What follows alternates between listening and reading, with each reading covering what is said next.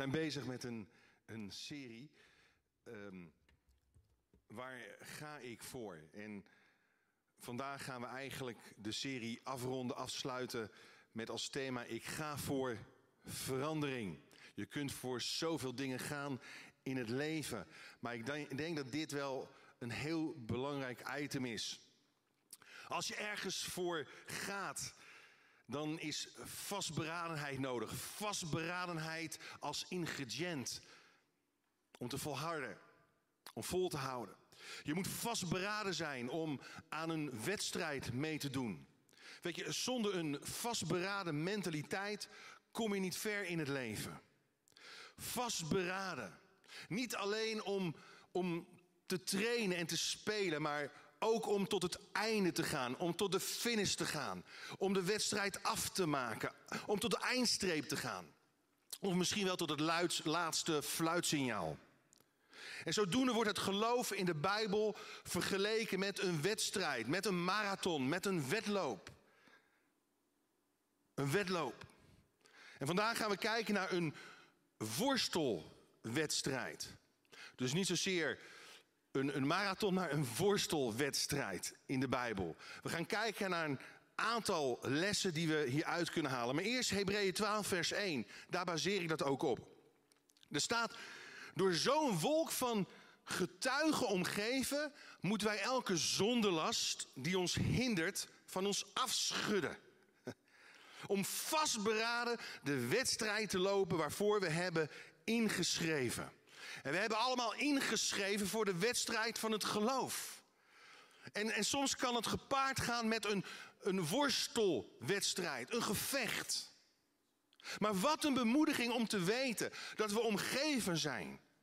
Door een wolk van getuigen, van geloofshelden, die ons toejuichen, die ons aanmoedigen, die, die ons willen inspireren om vastberaden te blijven.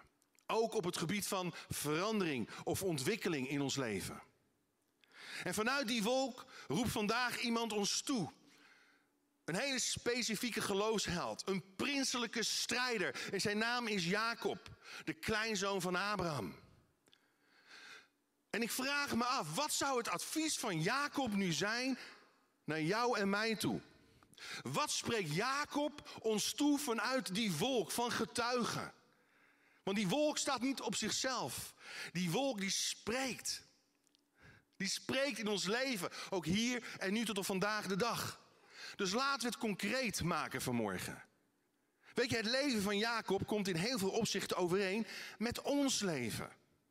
Ieder van ons is van tijd tot tijd aan het worstelen, aan het vechten. We hebben allemaal te maken met het feit dat niet alles in ons leven verloopt zoals wij het willen, zoals wij het verwachten, zoals wij het hopen.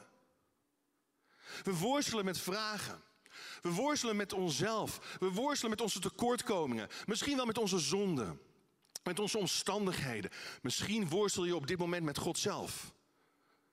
En wat dan? Als we de grip op ons leven verliezen. Als we de controle over onze situatie kwijtraken.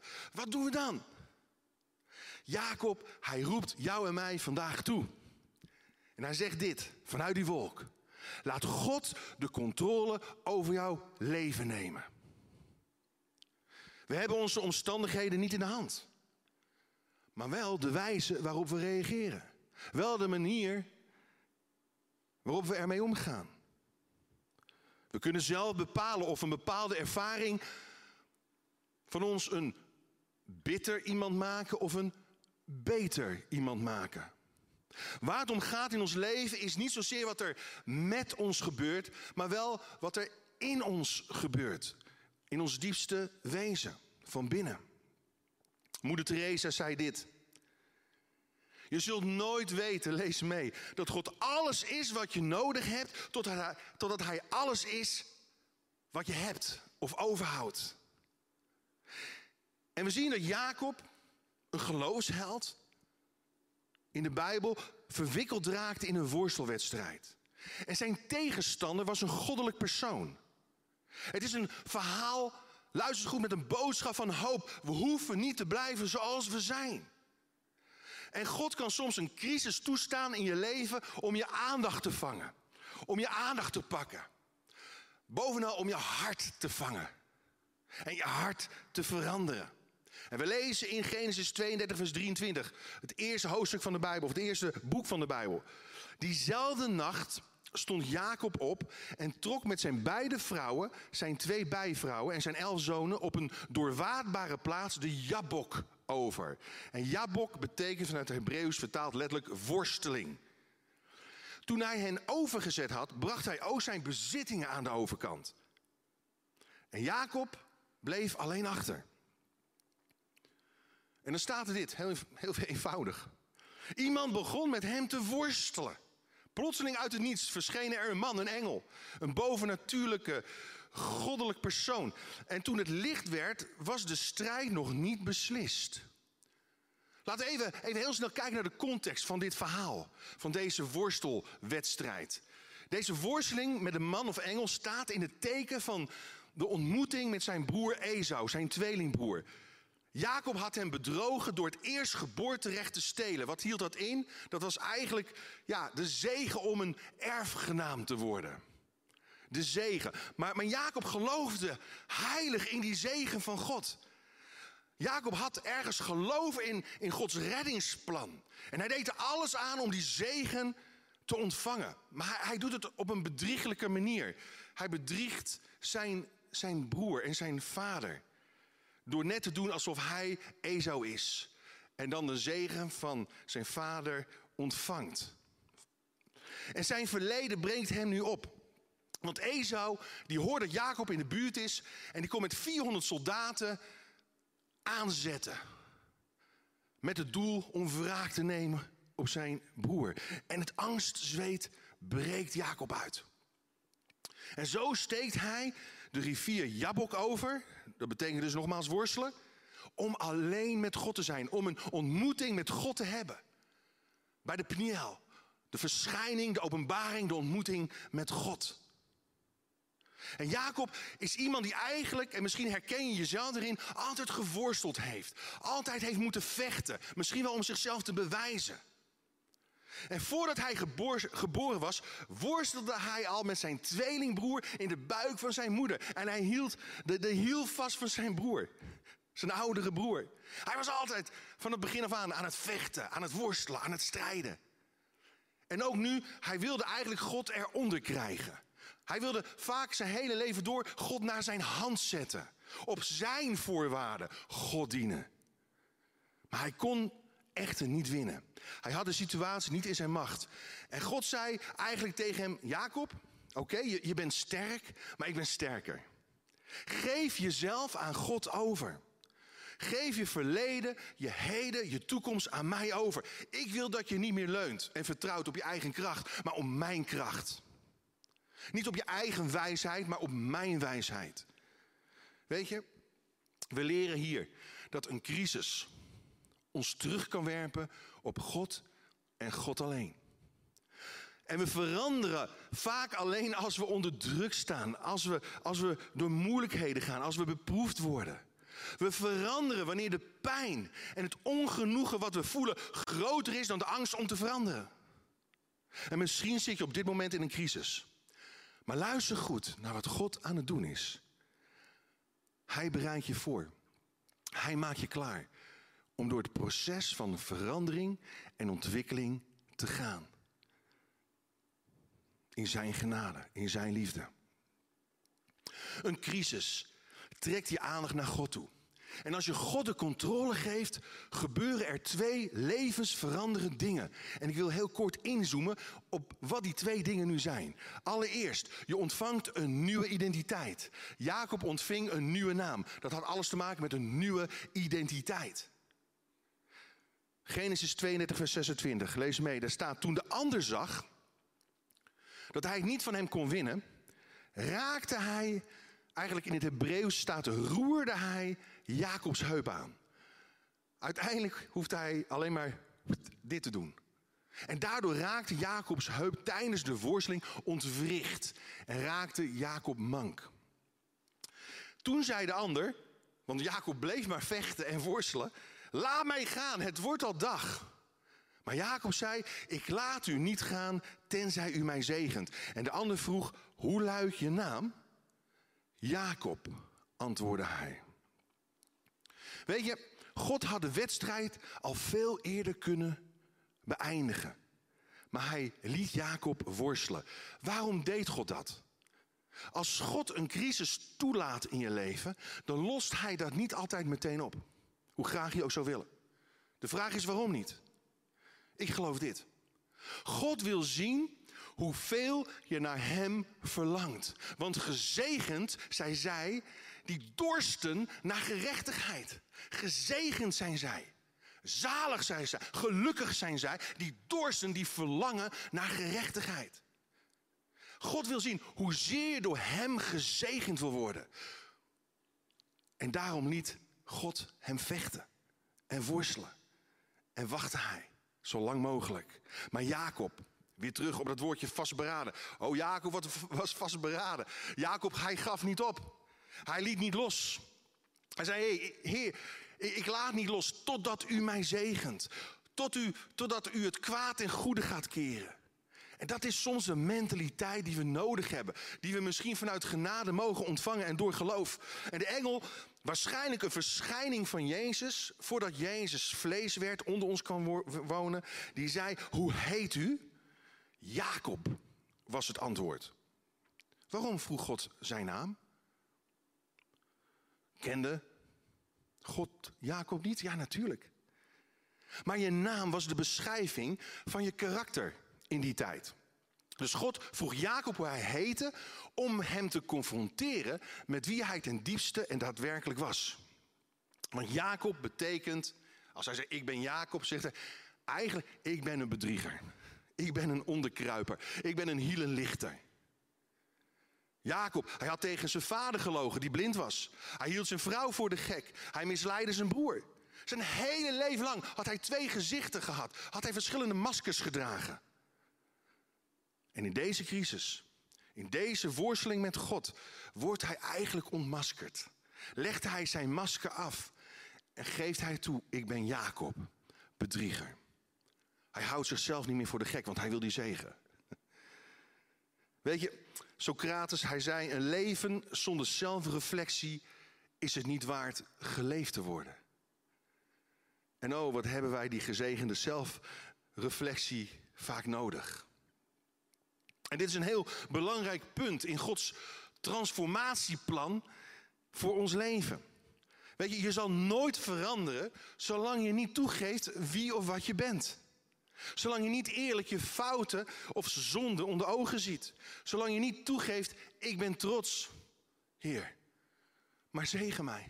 Ik ben hoogmoedig, Heer, maar raak mij aan. Ik ben jaloers, maar Heer, verander mij. Ik ben oneerlijk, maar Heer, keer dat om. Ik ben een roddelaar of ik ben verbitterd. En we lezen Genesis 32, vers 28, daarop zei hij, voortaan zal je naam niet Jacob zijn, maar Israël. Want je hebt met God en mensen gestreden en je hebt gewonnen. Wauw. Weet je, je ontvangt de identiteit die God voor je bestemd heeft. En de vraag is, leef je een script uit die je zelf hebt geschreven?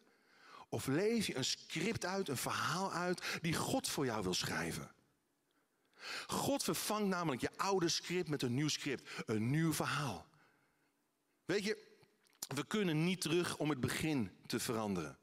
Het begin te veranderen waar misschien dingen fout zijn gegaan. We kunnen dingen niet terugdraaien, maar we kunnen wel beginnen om nu onze richting, onze koers te veranderen of te vernieuwen. En God, hij ziet je niet zoals je bent, maar zoals je kunt worden. Hij ziet voorbij aan je huidige staat. En ziet je mogelijke, potentiële staat. Hij ziet wie je kan worden. Hij ziet wie je bent, ten diepste. Zoals je bedoeld bent, zoals hij je geschapen heeft. Zo, zoals hij het heeft bedacht. En voortaan zal zijn naam Israël zijn. Dat betekent letterlijk priestelijke strijder van God prinselijke strijden van God, zou je ook kunnen zeggen. Zowel priestelijk als prinselijk. Want God kende zijn potentieel. Hij keek verder dan zijn fouten of zwakheden. Weet je, God ziet wat er onder de oppervlakte zit van ons leven. God zag een prins, een vorst in Jacob. En hij werd een man waar een heel volk, de staat van Israël, naar genoemd is. En in de Bijbel zie je voortdurend dat God namen gaat veranderen als hij mensen gaat veranderen. Als hij een bepaalde toekomst van een natie gaat veranderen. Als hij mensen een nieuwe identiteit geeft. En ook tegen jou vanmorgen, vandaag zegt God: hey, ik zie een prins of ik zie een prinses in jou. Ik zie de mogelijkheden in jou, die misschien nu nog gesloten lijken, maar die wel potentieel aanwezig zijn. Laat mij je aanraken en die mogelijkheden en die vernieuwing aanboren, aanroeren in je leven. Je hoeft niet te blijven zoals je bent. Je kunt veranderen. Hoe oud je ook bent. Hoe ouder, hoe moeilijker. Dat is waar. Maar je relaties kunnen veranderen. Je situatie kan veranderen. Weet je, iemand zei eens dit. Wie klaar is met veranderen, is klaar met leven. Denk er eens even over na. Wie klaar is met veranderen, wie zegt ik wil niet meer veranderen, nooit niet, nergens niet, die is eigenlijk klaar met leven. En, en God is leven. Hij wil dat je leeft ten volle. Dus je ontvangt een nieuwe identiteit. Dat is de eerste levensveranderende actie die ontstaat wanneer je aan God de controle geeft. Maar ook ten tweede, je ontvangt een doorbraak van Gods zegen. En daar wil ik mee eindigen.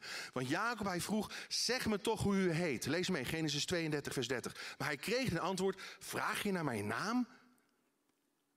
Hij, gaf geen antwoord op de vraag van Jacob. Hij zei, toen zegende die ander hem daar. Toen zegende de ander met een hoofdletter hem daar. Voordat Jacob de zegen ontving van God, luister goed, gebeurde er iets. Zijn natuurlijke kracht werd gebroken. En ik word gewoon de laatste tijd bepaald bij dit feit. Hoe belangrijk het kruis van Jezus in ons leven zou moeten zijn. Centraal zou moeten staan. Om een vruchtbaar, gezegend leven te kunnen hebben zoals God het heeft bedoeld. Weet je, hij werd in zijn heup geraakt. Zijn heup raakte ontwricht. De heupspier is de grootste en de sterkste spier in ons lichaam. En, en, en de heupspier in de Joodse gedachte stond symbool als de zetel van kracht en creatief vermogen. Dus zijn eigen kracht was ook tegelijkertijd zijn valkuil. En die werd letterlijk en figuurlijk gezien gebroken. Gebroken. Ik laat u niet los totdat u mij zegent. Maar eerst was er iets gebroken. Ik geloof dat het kruis van Jezus als het ware in ons oude leven, onze oude mens geplant moet worden. Zodat nieuw leven kan openbarsten. Zodat stromen van levend water uit ons binnenste, binnenste kunnen voortvloeien. Zodat de Heilige Geest dat vernieuwende werk vanuit Gods troon en genade kan gaan produceren in ons leven. Want weet je, de Bijbel zegt dit, Psalm 51, vers 17. Want op vleesoffers stelt u geen prijs. En dat zei David nadat hij zwaar gezondigd had, overspel had gepleegd en, en, en iemand vermoord had, de dood had ingestuurd. En hij zei, in brandoffers stelt u geen belang. Hij probeerde van alles om het goed te maken. Maar hij komt tot deze conclusie. Berouw is het offer dat u verlangt. Een gebroken, een verbrijzeld hart veracht u niet, mijn God. Een gebroken en verbrijzeld hart. Berouw is het offer. Inkeer is het offer dat God verlangt. En dan zegt David ook in diezelfde psalm... God, hergeef, herschep in mij. Dat is weer een wonder van Gods scheppingskracht. Een standvastige geest, een vastberaden geest om uw wil te doen, om uw wil te zoeken, om uw koninkrijk te zoeken en zijn gerechtigheid. Niet mijn wil, maar uw wil geschieden in mijn leven. En hergeef in mij de blijdschap over uw redding. En dat is een scheppingswerk. Maar dat scheppingswerk, dat kan pas plaatsvinden nadat iets gebroken is. Weet je, God verlangt geen perfectie van je. Al die rituelen en wat heel belangrijk was trouwens. En ook wij, wij, wij, wij, geloven in, in de waarde van kwaliteit en uit, uitmuntendheid. Maar dat is niet hetzelfde als perfectie. Wij willen gewoon het beste van onszelf aan God geven. Maar ten diepste, door alles heen, verlangt God om een scheppend werk in ons leven te doen. Hij verlangt naar oprechtheid. En om jezelf te vinden, moet je soms eerst jezelf verliezen. Maar weet je, ik zie niet alleen mensen in deze wereld, maar ook gewoon gelovige christenen in de kerk stellen allerlei voorwaarden en eisen om God te dienen. Eerst moet die kerk veranderen. Voordat ik me ga inzetten, mijn talenten ga inzetten. Of voordat ik ga geven. Eerst moet dat en dat veranderen. Ze hebben het niet over zichzelf, nee, ze hebben het over die en dat en zus en zo. Of eerst moet mijn partner veranderen voordat ik mijn man of mijn vrouw kan gaan liefhebben. Of, of eerst moet mijn vijand om vergeving vragen, op zijn knieën bij mij komen voordat ik hem kan gaan zegenen. Nee, nee, nee, dat is geen evangelie. Jezus zei, laat wie achter mij aan komen zichzelf verlogenen, zijn kruisen opnemen en mij volgen. Marcus 8, vers 35. En zodoende raakte, roerde God de heup van Jacob aan. Dat wil dit zeggen. Een herinnering aan het volgende feit. Dat Jacob niet langer op zijn eigen kracht moest vertrouwen, maar op Gods kracht en Gods leiding. De ontwrichte heup symboliseert een nieuwe levenswandel. Want voortaan ging hij mank door het leven. Kreupel door het leven. En God zegt dat hij overwon. Hoe kan dat nou? Hij kon niet meer verder vechten, want hij raakte kreupel. Toch zegt, zegt die engel daar, die goddelijke persoon of die verschijning van de Messias, voordat de Messias op deze aarde was gekomen in vlees en bloed, zei hij: hey, hij heeft overwonnen. Hij heeft prinselijk gestreden. Hoe kan dat? Waarin lag dan de overwinning van Jacob? In het volgende feit: de overwinning van Jacob lag in zijn geloof. Hij heeft zich vorstelijk gedragen doordat hij zijn geloof niet opgeeft. En Jacob dwingt God als het ware om zijn belofte van zegen waar te maken. Door de volkeren heen. Maar gebruik mij maar daarvoor. Ik wil die zegen ontvangen. En daarin geeft hij zich over aan God. En wint hij van God. Op die manier. En God zegende hem. En God wil zegenen ook jou vandaag en vanmorgen. En in deze overgave ligt ook onze kracht. In onze gebrokenheid worden we gezegend. Daardoor laat God zich nog steeds overwinnen. Want in mijn zwakte kan Gods kracht en volle openbaar worden. En God verricht zijn diepste werk in ons leven. Wanneer Hij sleutelt aan onze grootste valkuil. Wat is jouw valkuil? Wat is mijn valkuil? Dat, dat is soms onze grootste kracht. Maar juist wanneer God daarin gaat sleutelen, dat gaat bijslijpen, dat gaat reinigen. Wauw. Dan gaan er dingen openbloeien en openbarsten die ongekend zijn. Dan komt er een schoonheid naar boven waarvan je nooit had kunnen dromen. Luister goed, lees mee. Gebrokenheid gaat vooraf aan het doorbraak van Gods zegen in je leven. De etiketten die in je leven zijn opgeplakt, haalt hij weg. En hij drukt er een nieuwe stempel op. De stempel van zijn Heilige Geest, van zijn mogelijkheden, van zijn plannen.